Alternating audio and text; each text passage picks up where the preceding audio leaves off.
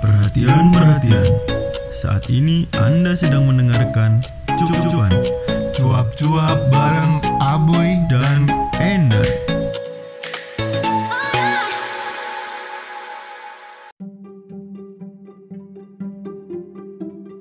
Halo jamaah podcast ya di mana pun kalian berada Pengagum senja penikmat musik indie, pemburu promo ojek online? Pokoknya di mana pun kalian berada Ini adalah podcast yang kedua antara gue dan Endar Tapi ada satu lagi nih Yang meresek nih di sini. Siapa nih? boleh kenalan dulu lah siapa emang? Eh, boleh lah boleh. Kenalkan teman-teman. Jamaah podcast cuan. Podcast do podcast. Oh Bukan. Oke. bukan pop. Bukan pepcast juga ya Oke. podcast C O T K E S. podcast biasalah baru pertama kali nih kenalkan nama gua Edo Eh, tadi dulu nih Edo nih singkatannya apa? Jangan-jangan Jokowi Dedo nih. apa do nama, nama lengkapnya apa do nama lengkapnya? Nggak, jadi gini nih eh, dulu waktu kecil emak gua itu eh, nyidam banget tuh sama namanya Ronaldo Ronaldo dari Brasil bukan Oh. dari Portugal ya Bukan dari Portugal yang lagi bagus sekarang kan Portugal ya nih. Nah, kan di tahun 60-an tuh Ronaldo Brazil kan lagi- Anjing jauh banget 60. 2000-an. 2000 anjir. 2000, 2000, Ronaldo menang Piala Dunia itu tahun 2002. 60 Maradona belum belum jadi pemain bola anjir. Maksudnya mbak gua pas lahir tuh 60-an Gua lahir tahun 96 Nah, terus terus Jadi pas awal tuh eh, gua kan nama gua kan Ronaldo tuh Dulu pas kecil dipanggil Roy gitu. Terus eh, ganti nih ya. Soalnya kenapa? Kan eh, banyak sakit tuh. Jadi makanya diganti nama Edo. Dulu pak pas kecil waktu dipanggil Roy sih. Emang zaman dulu musimnya gitu banget ya. Jadi kalau ada nama anak yang salah dikit terus dia sakit tiba-tiba diganti namanya tengah jalan tuh. Padahal ya mungkin itu dia sugesti atau mitos? Gimana gimana Nar? gimana Orang tuanya ingin reshuffle. oh reshuffle reshuffle. kayak menteri. Boleh tuh boleh tuh. Soalnya emang banyak ini kejadian kayak gitu sih. Eh, katanya nama yang dipanggil itu bikin mengundang penyakit. Padahal kan bukan itu sebenarnya kan.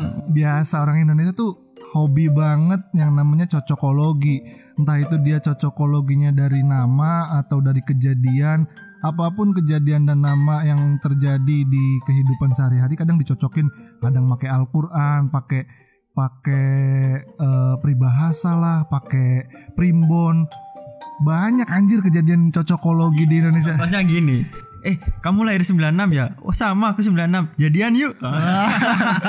Lawas. Gini, jadi di episode kali ini tuh kita banyak banget saran dan masukan dari kemarin ya teman-teman. Oh bentar boy bentar Gimana gimana? Sebelumnya kita mau terima kasih dulu Sebab episode pertama Cuan Sudah didengarkan di berbagai negara Berbagai benua anjir. benua Bahkan ada yang bela-belain download VPN Udah kayak mau bokep aja dengerin pakai VPN. Udah nyampe Mesir Malaysia Taiwan Rusia, Rusia, Australia. Australia Oke mana Pasuruan Pasuruan apa anjir? Negara tidak berpenghuni. Pokoknya intinya kita mau ngucapin terima kasih lah buat teman-teman yang udah meluangkan waktunya sekitar 16 menit kalau nonton sampai akhir sih. Tapi kita eh, walaupun pendengar kita udah di berbagai benua dan pendengarnya pun sampai ratusan ribu jiwa gitu ya, kita nggak ada rasa sedikit rasa bangga gitu ya Ndar ya. Iya. Karena menurut kita tuh kebanggaan dari kita sendiri tuh versinya berbeda-beda. Kalau mungkin dari kalian punya YouTube dengan viewers banyak bakal bangga. Terus juga podcast yang dengerin banyak bangga tapi kita enggak. Karena kita lebih bangga ketika bisa mengerjakan yang tidak bisa orang lain lakukan. Apa tuh contohnya tuh? Apa contohnya? Contohnya, mau yang serius apa yang nggak serius sih? Serius lah kita ngomong di sini tuh serius, nggak ada bercanda kita deh. apa Ndar? Versi versi bangga menurut lu apa Ndar?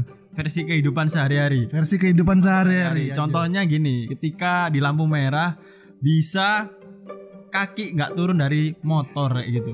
Oh ada tuh di Instagram tuh kemarin tuh. Jadi dia tuh viral banget. Gara-gara dia berhenti di lampu merah lu tahu sendiri lampu merah kalau berhenti berapa sih kalau paling cepet semenit ya ada juga bahkan di Jakarta tuh yang sampai 3 menit entah itu kejadiannya di mana dia berhenti di lampu merah dengan kaki masih di atas motor bayangin itu kebanggaan dari orang yang nggak bisa dirasain oleh banyak orang dan nggak mungkin juga sih banyak orang bisa ngelakuin itu ya nggak Nar? Ya bener sih, tapi kalau kita lihat di posisi kakinya memang bener. Tapi kalau lu lihat tangannya, bisa jadi dia pegangan motor sebelahnya. Oh, kalau gue lihat sih dia emang nge- sendiri gitu ya, Sen- sendiri tanpa berpegangan. Tapi emang gokil banget sih tuh orang bisa sampai kayak gitu ya. Tapi lo tahu nggak sih eh, menurut dia bangga nggak kayak gitu? Kalau menurut gue sih bangga banget itu dia.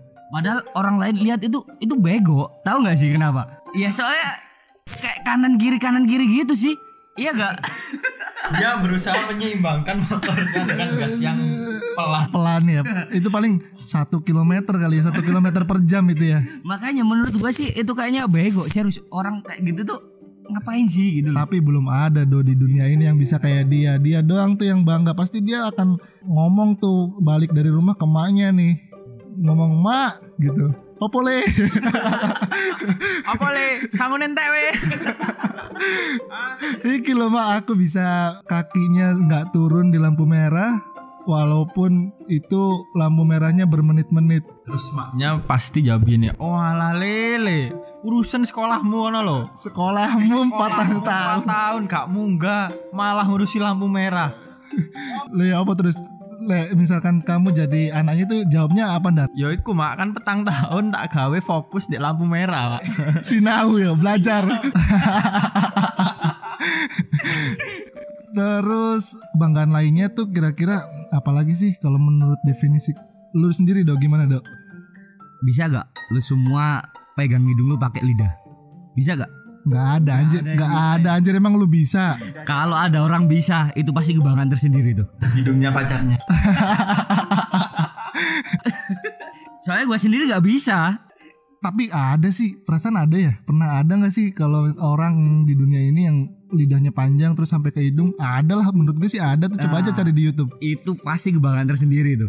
Kalau gue sih beda lagi, bangga menurut gue ini beda lagi juga. Kalau menurut gue nih bangga tuh ketika apa ya hal yang paling susah dilakuin di dunia ini tuh eh, membuka wadahnya sosis bungkus sosis. Oh yang ini pengikatnya besi itu. Nah itu dia. Anj- Sotit itu. Aduh nggak apa-apa menyebut Enggak merek. apa-apa, Junior nih. So nice, so nice, so nice. Terima kasih Sones kita secara tidak langsung mengiklankan.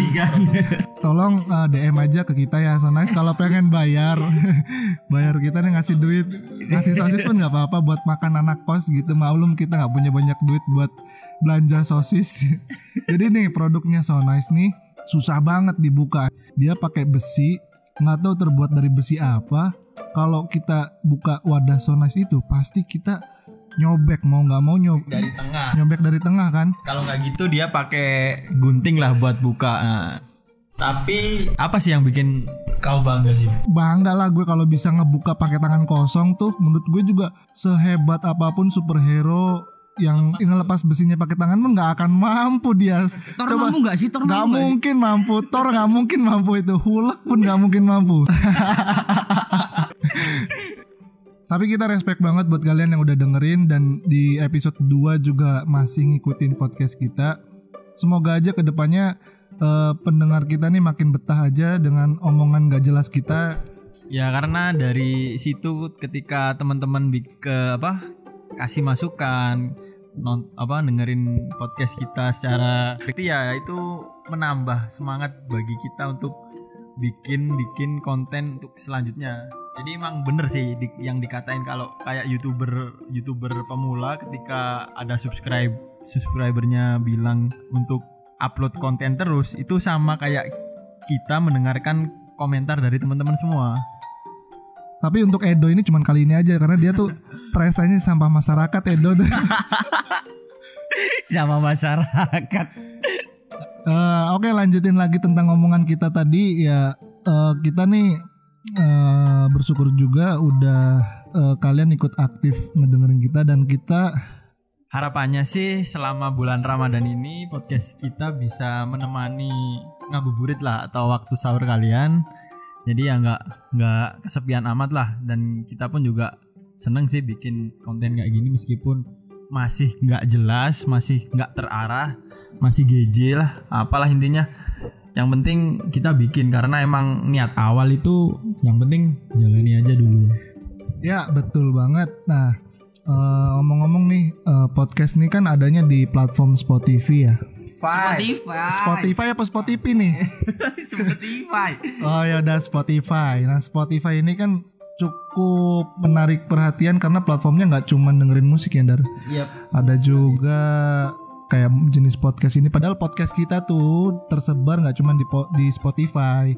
Ada juga di Apple Podcast, ada di Google Podcast. Jadi kalau kalian punya akses ke beberapa platform tersebut ya bisa juga didengerin di sana gitu. Tapi ngomongin soal sosial media nih, podcast kan eh, terkenalnya melalui beberapa platform sosial media juga ya. Kadang di share di Instagram, ada juga kayak model Raditya Dika dia nge-share podcastnya di YouTube. Mungkin bagi dia itu jalan pintas untuk podcastnya didengerin banyak orang ya. karena Raditya Dika sendiri pun emang dasarnya emang udah terkenal sejak dia nulis buku, aktif di Twitter, bikin film dan ketika dia bikin channel YouTube pun itu juga penggemarnya yang di platform sebelumnya pun pasti akan ngikut. Apalagi ketika dia mempromosikan podcastnya di channel YouTube pasti akan banyak banget pendengarnya secara langsung. Tapi kita mah nggak usah berharap banyak ya Dar, nggak usah berharap terlalu tinggi tentang eh, ketenaran kita karena kita bikin podcast ya cuman buat ngisi waktu doang sih. Kebetulan juga di sini ada teman kita Edo yang dari jauh banget. Dari mana sih Do? Lu, Do? Dari Surabaya, Bos. Enggak enggak yang bener yang bener Surabaya lu aku ngaku aja dari mana? Dari Pasuruan, dari Pasuruan. Ah gitu dong. Pasuruan tuh di mana sih, Dok? Kita tuh pasti nggak nggak banyak orang yang tahu soal Pasuruan. Lu bisa ceritain gak sih ada apa di Pasuruan kayak gitu? Oke, oke. Apa yang bikin orang tertarik ke Pasuruan ya gitu? Iya, apa sih daya tariknya kalau menurut gue sih nggak ada anjir. Karena di sana juga ada lu sih. Jadi gini, kalau dari letak geografis Indonesia, waduh, dalam banget nih, dalam Iya, banget nih, anjir. dalam banget nih. Jadi kalau dari letak geografis Indonesia, Pasuruan itu terletak di bagian utara Indonesia. Kalimantan dong. Di Jawa Timur, maksudnya bagian utara di Jawa Timur. Jadi seperti Terus, itu. terus, ada apa di sana? Jadi kalau seandainya kalian ke arah Malang nih atau ke arah Surabaya, jangan lupa mampir Pasuruan dulu ya. Iya, ada apa? Karena Pasuruan eh, beautiful city. Karena banyak pabrik. Pabrik apa nih? pabrik banyak di situ. Jangan-jangan pabrik so nice. Enggak eh, Pasuruan sih sebenarnya saya bingung juga sih. Soalnya kenapa? Dulu kan eh, waktu kecil juga saya jarang juga sih ada di Pasuruan banyak di Malang juga. Terus waktu SMA juga di Mojokerto. Kuliah juga kan kuliah di Malang, Eh, kerja juga di Surabaya. Jadi eh, untuk mengenal kota saya sendiri sih kurang begitu paham. Mungkin ada beberapa yang expert di bidang itu. Cuman ada satu tempat yang menurut gua sih paling keren di Pasuruan. Apaan tuh? Apa-apa? Kalau seandainya kalian ke Pasuruan, mampir ke Taman Safari. Anjir Taman Safari mah di Bogor. Taman Safari Prigen. Oh, ada. Taman Safari Prigen. Di situ ada beberapa keanegara keanekaragaman Hayati suku dan budaya. Hayati Jainuddin anjing Hayati. Enggak, maksudnya keanekaragaman dari binatang satwa kita, dari satwa liar sampai satwa yang jinak juga semua ada di sana deh. Bahkan kemarin ada info kalau saya di Taman Safari itu ada penguin. Penguin, selain penguin apa lagi? Kodok ada, Dok? Ayam ada ayam. Kodok banyak, jangan jauh-jauh di rumahku ada. Boleh lah sekali-kali nanti mampir ke Pasuruan untuk melihat keindahan kota. Nah, jangan mau jangan mau. Di Edo aja nggak di Pasuruan karena dia terdepak dari sana nggak kepake ini sampah masyarakat. Tapi tahu gak sih, Wi? Dari sekitar banyak eh, pulau-pulau di Indonesia ini, apa nggak menurut kalian semua yang bisa mempersatukan bangsa? Pemersatu bangsa di kalau gue sendiri sih ya i- di pulau apa di mana nih? Dari seluruh masyarakat Indonesia, tahu nggak? Ini kan lagi musim-musim politik nih, maksudnya rawan ricuh, rawan segala macam lah. Tahu nggak sih, maksudnya ada gambaran nggak kira-kira apa yang membuat kalian berpikir kalau ini nih buat pemersatu bangsa? Tahu nggak? Konten tanda kutip.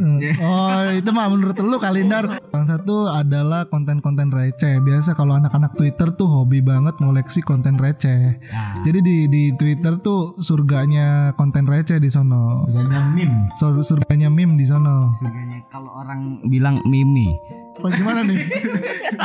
Bacanya meme goblok. Bacanya meme ya. Tapi tapi gitu kalau konten receh tuh biasanya banyak banget yang nimbrung di sana tuh komentar kayak eh biasanya anak-anak cewek sih terutama.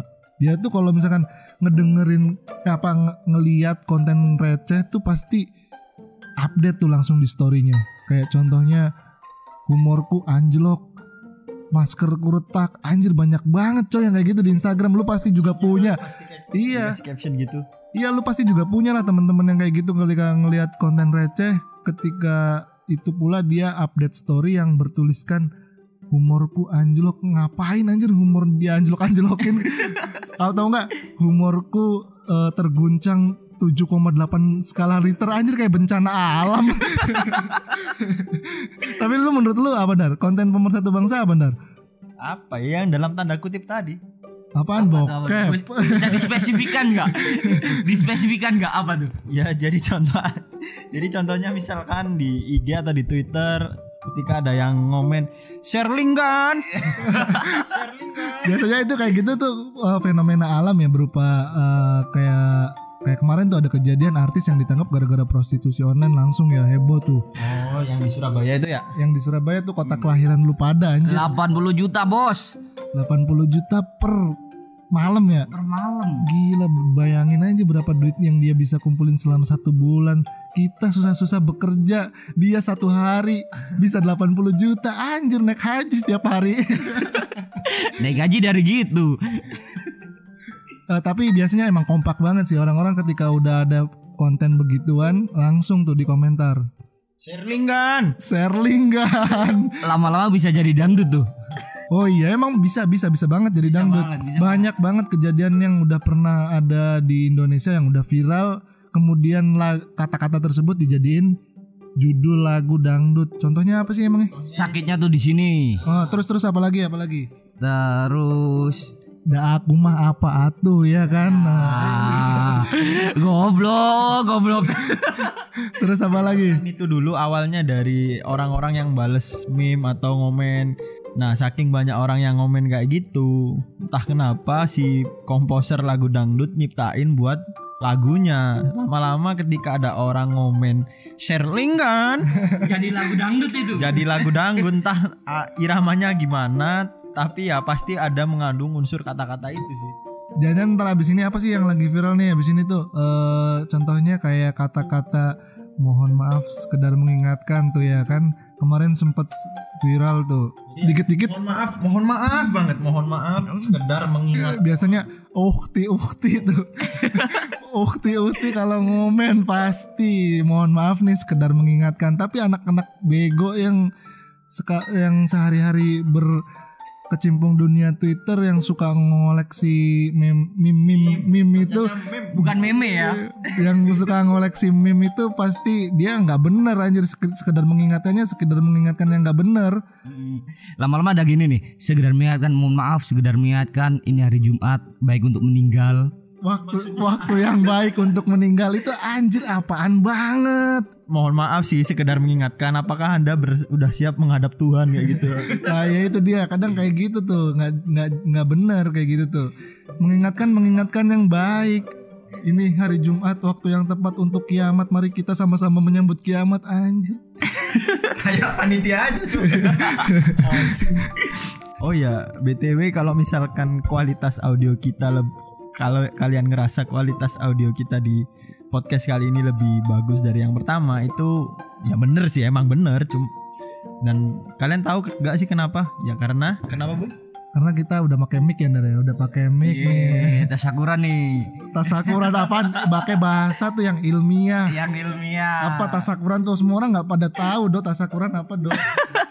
Tasakuran itu definisi dari eh, apa ya? Syukuran. Syukuran tapi yo nggak nggak usah atas keberhasilan sesuatu. tapi yo nggak makan makan juga anjir. Men- meneraktir semua pendengar podcast bisa miskin Masa mendadak gua. viewers 2000 jiwa. Dua ratus ribu aja 200 ribu ya kan? 200 ribu. Dari dari lima benua. Ah, dari lima benua nggak bisa syukuran kecil-kecilan lah. Jadi kita kemarin pakai masih pakai headset tapi sekarang udah lumayan lah. Ada peningkatan. Bening-bening nih. Nah, dari situ kan kita emang berusaha untuk meningkatkan kualitas konten terutama dari segi audio supaya dari konten kita lebih enak didengerin buat teman-teman semua kayak gitu. Tapi gimana nih? Ketika kalian ngedengerin suaranya udah udah mulus belum nih? Ya harusnya sih mulus ya karena kalau udah pakai mic nih udah seperti Pantat bayi. pantat bukan pantat bayi jangan jangan pantat bayi banget anjir nggak enak pantat bayi mah kayak kayak Raisa nih udah mulus banget nih Oh iya iya iya. Kenapa harus Raisa? ya udah ya udah yang lain yang lain yang lain eh eh, siapa ya yang mulus tuh Isyana juga mulus sih Kalau menurut lu emang siapa yang paling mulus? Ini mulus apanya, Cok? tapi kalau kita ngomongin soal Raisa nih ya kemarin Raisa baru ngelahirin coy Cowok cewek, cowok atau cewek nih? cewek coy anaknya Ini coy sebelumnya selamat buat kelahiran anak pertama Raisa dan Daud. Teteh Raisa. Teh Raisa, entah kalian mendengarkan atau enggak yang Aa, Aa Hamis anjir. Kayak tukang bujo anjing Aa, Aa Hamis pokoknya selamat buat kelahiran anak pertamanya. Namanya siapa BTW? eh siapa dong namanya dong Zain Malik. anjing Zain Malik. Malik mau udah lahir dari lama siapa namanya ya? Ntar Anda. Zalina Raine Wailie. Anjay namanya susah banget ya Susah banget. Itu ah, itu beneran itu namanya Ka- kalau orang Jawa bilang sih kalau dengan kata kayak gini nih, Zalina Raine Waili. Itu Wail Waili. Wai Waili kayak kayak seakan-akan Zalina Raine Malik. Tahu gak sih kalau kalian orang Jawa pasti tahu nih. Orang Jawa Raine itu Artinya artinya wajahnya. Berarti mukanya mukanya. Jadi ketika ditranslate dalam bahasa Indonesia Zalina wajahnya wali. wali ke wali mu- wajahnya kebalik gitu Oh, ya wajahnya kembali. Tapi bentar-bentar bentar. Eh, kita ngomong konten kayak gini nih sangat sensitif loh teman-teman. tapi ya, ya semoga aja sih Teh Raisa nggak dengerin kita ya ngapain juga Raisa ngedengerin podcast receh kayak gini dan juga nggak nggak ada eh, bermanfaatnya sih buat Teh Raisa Tapi yang jelas sih pasti punya makna tersendiri sih. Cuma kita dari orang Jawa ya lucu aja. Oh tapi banyak sekali dari pendengar kita yang kemarin itu banyak request soal bahas dong menikah muda atau bahas dong eh, tentang kehidupan di pesantren dulu kayak gimana gitu tapi eh, banyak juga sih ya dar yang lainnya apa tema-tema yang lainnya dar Selain itu sih ada yang request gini. Kita kan berdua ngerantau di Jakarta Bu ya nyari apa? Nyari rezeki di sini. Ada nyari yang cuan nyari nyari cuan nah kayak gitu. Ada yang pengen sharing kita kayak di sini nih ngapain aja. Wis pokoknya kehidupan kita di sini kayak gimana gitu sih. Tapi kalau untuk yang nikah muda sih karena kita belum nikah ya kita nggak mau lah bahas yang no comment lah ya Nah, no pokoknya comment soal itu ya. Karena ada beberapa juga teman kita yang udah nikah muda tapi ya itu kan pengalaman pribadi mereka gitu ya. Kalau masing-masing tiap orang. Iya masing-masing. Cuman kalau dari kita sendiri sih no comment. Karena gue sendiri di umur gue yang sekarang belum ada kepikiran untuk menikah. Apalagi hitungannya kan kita masih muda nih ya. Coba kalau lu do lu ada ada ada niatan buat nikah kapan nih do Eh, kebetulan kan kemarin eh, insya Allah sih ya teman-teman doain aja. Eh, teman-teman amin amin. aku sendiri mau mau ke jenjang yang lebih serius sih. anjay. Anjay ku bisa. Andai nar, andai, andai. anjay cepet. Eh buru-buru banget do kenapa nih? Apa pertimbangan lu untuk nikah di usia yang masih muda nih? Kalau gue sama Ender kan udah udah jelas udah jelas banget nih udah nggak nggak bakal menikah di dekat-dekat ini gitu. Kalau lu sendiri apa sih dok yang bikin lu memutuskan untuk menikah gitu Motivasi pertama sih kalau seandainya saya pingin nikah sih ya gimana ya? Pengen gitu loh lihat anak yang udah bisa gede sementara kita masih di performa yang cukup baik. Jadi seperti itu. Itu Tahu tahu tahu ini nggak jelas banget anjir dia ngomong apa sih dar Jadi gini, kalau kalau boleh nerjemahin jadi si Edo ini eh, nikah ini pengen ketika dia pulang atau kerja lihat anaknya yang masih lucu-lucunya kayak gitu, masih lucu-lucunya karena mungkin bagi Edo it- kelucuan anaknya itu adalah penyemangat dia atau penghilang rasa letih. Tapi bener dong kayak gitu dong. 100% buat Endar. Gila ternyata dia Gitu loh boy gitu. motivasinya emang buat semangat kerja ya. Iya, jadi pas waktu perform kita lagi fit, maksudnya lagi 100% nih, kita pulang-pulang kan capek tuh. Terus tiba-tiba di rumah ada charge-nya sendiri yaitu lihat anak. Sama lihat istri. Eh, tapi kalau ngomongin soal anak, lu ketika udah nikah juga nggak serta merta lu langsung dikasih rejeki berupa anak dong. Nah, itu PR banget sih. Itu makanya lu harus membuktikan ke top ceran lu nih, ke tok tok tok cer nggak sih lu sebagai cowok gitu. Pernah, pernah, pernah udah aku buktiin. Anjay dar, udah pernah dibuktiin aja. Anjay. Anaknya TK. Barbar juga hidupnya anjir. Dibuktiin mis- mikroskop. Gimana menggeliatnya dia di di mikroskop di mikroskopnya menggeliat nggak dia? Pokoknya ada kepala gitu aja deh. Emang kepala doang anjir. Ada ekornya sembilan. Ada ekornya. Yubi dong. Tapi gini do, ada beberapa pengalaman temen gue sendiri yang udah nikah itu di umur dia yang udah menjelang uh, hampir lima tahun pernikahan atau lebih bahkan dari lima tahun. Ada juga yang belum dikasih rejeki berupa anak.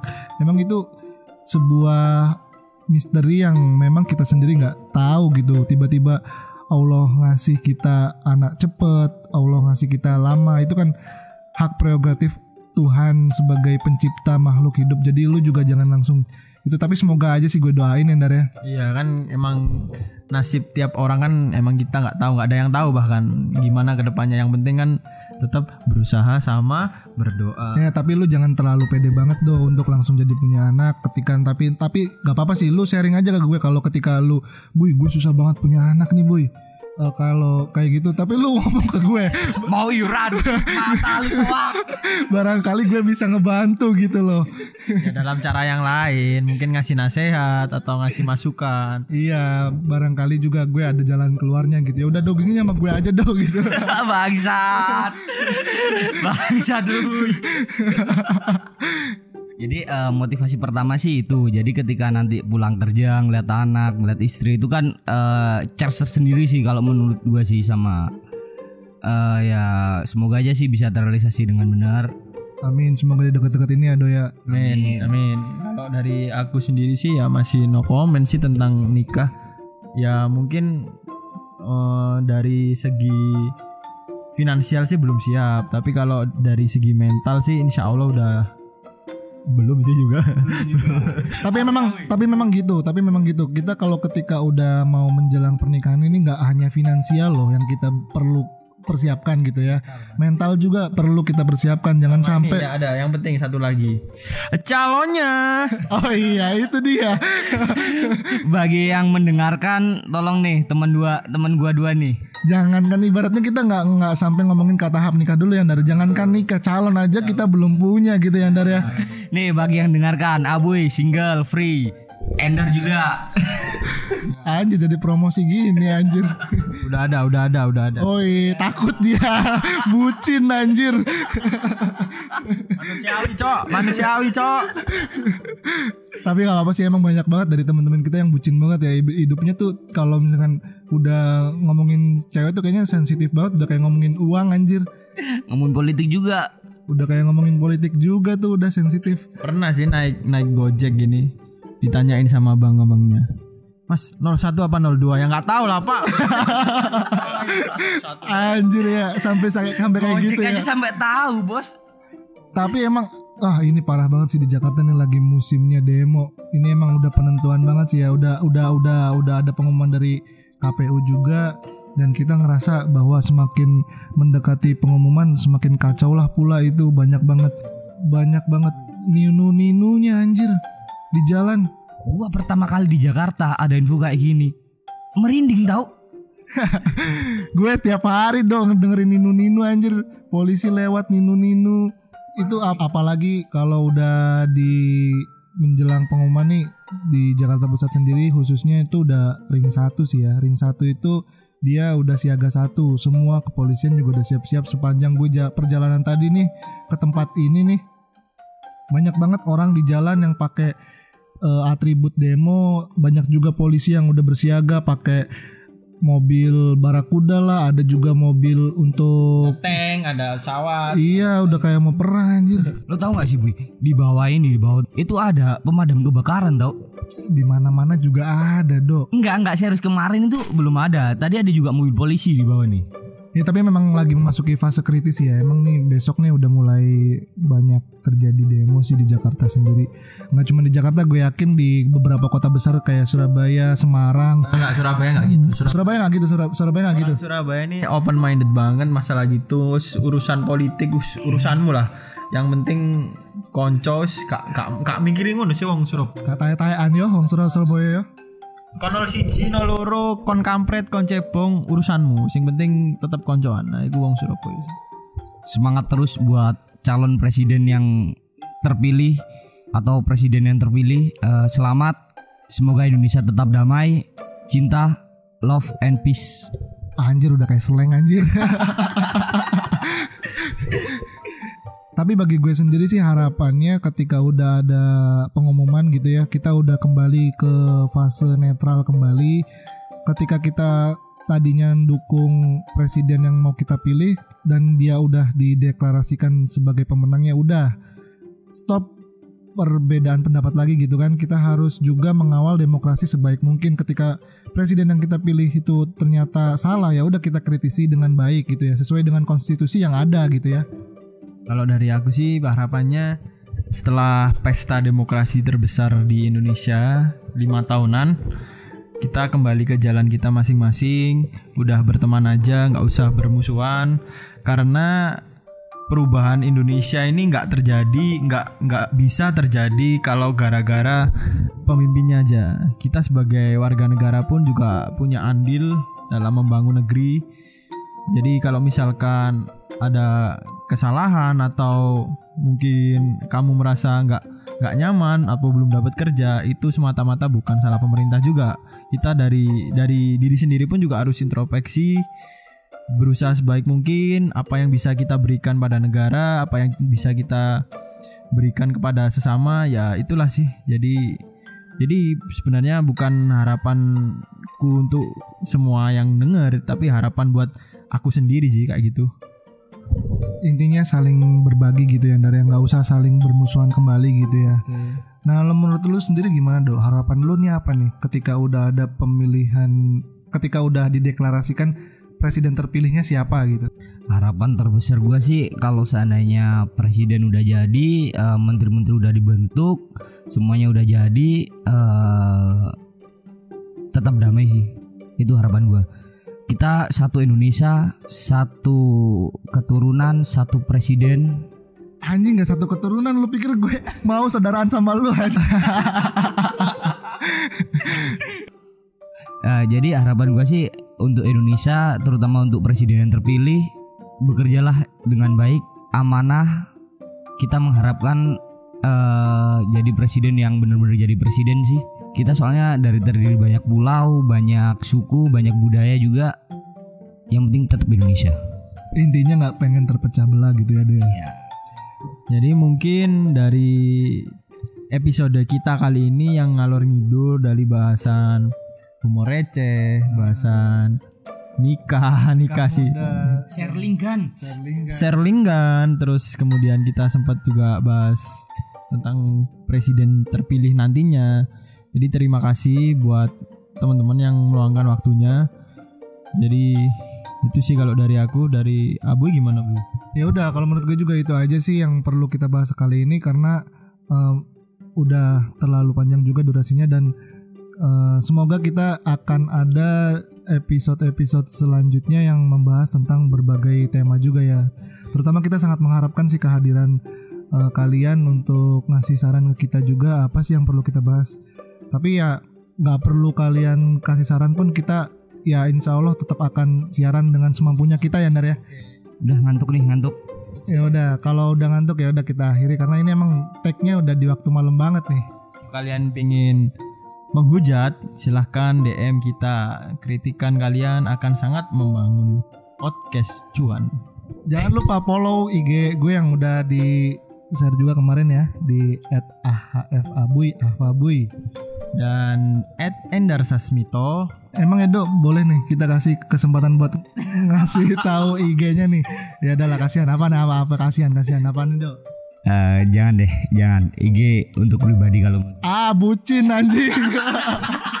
ya udah ya udah si Edo nggak mau nggak mau di share jadi sebenarnya dia bukan nggak mau sih nge-share nggak mau dihujat ya udah biarkan hujatan kalian buat kita berdua aja Oke siap. Oke gitu aja dari kita bertiga nih gue Abuy cabut. aku Endar Gua Edo. Ketemu lagi di episode cuan selanjutnya.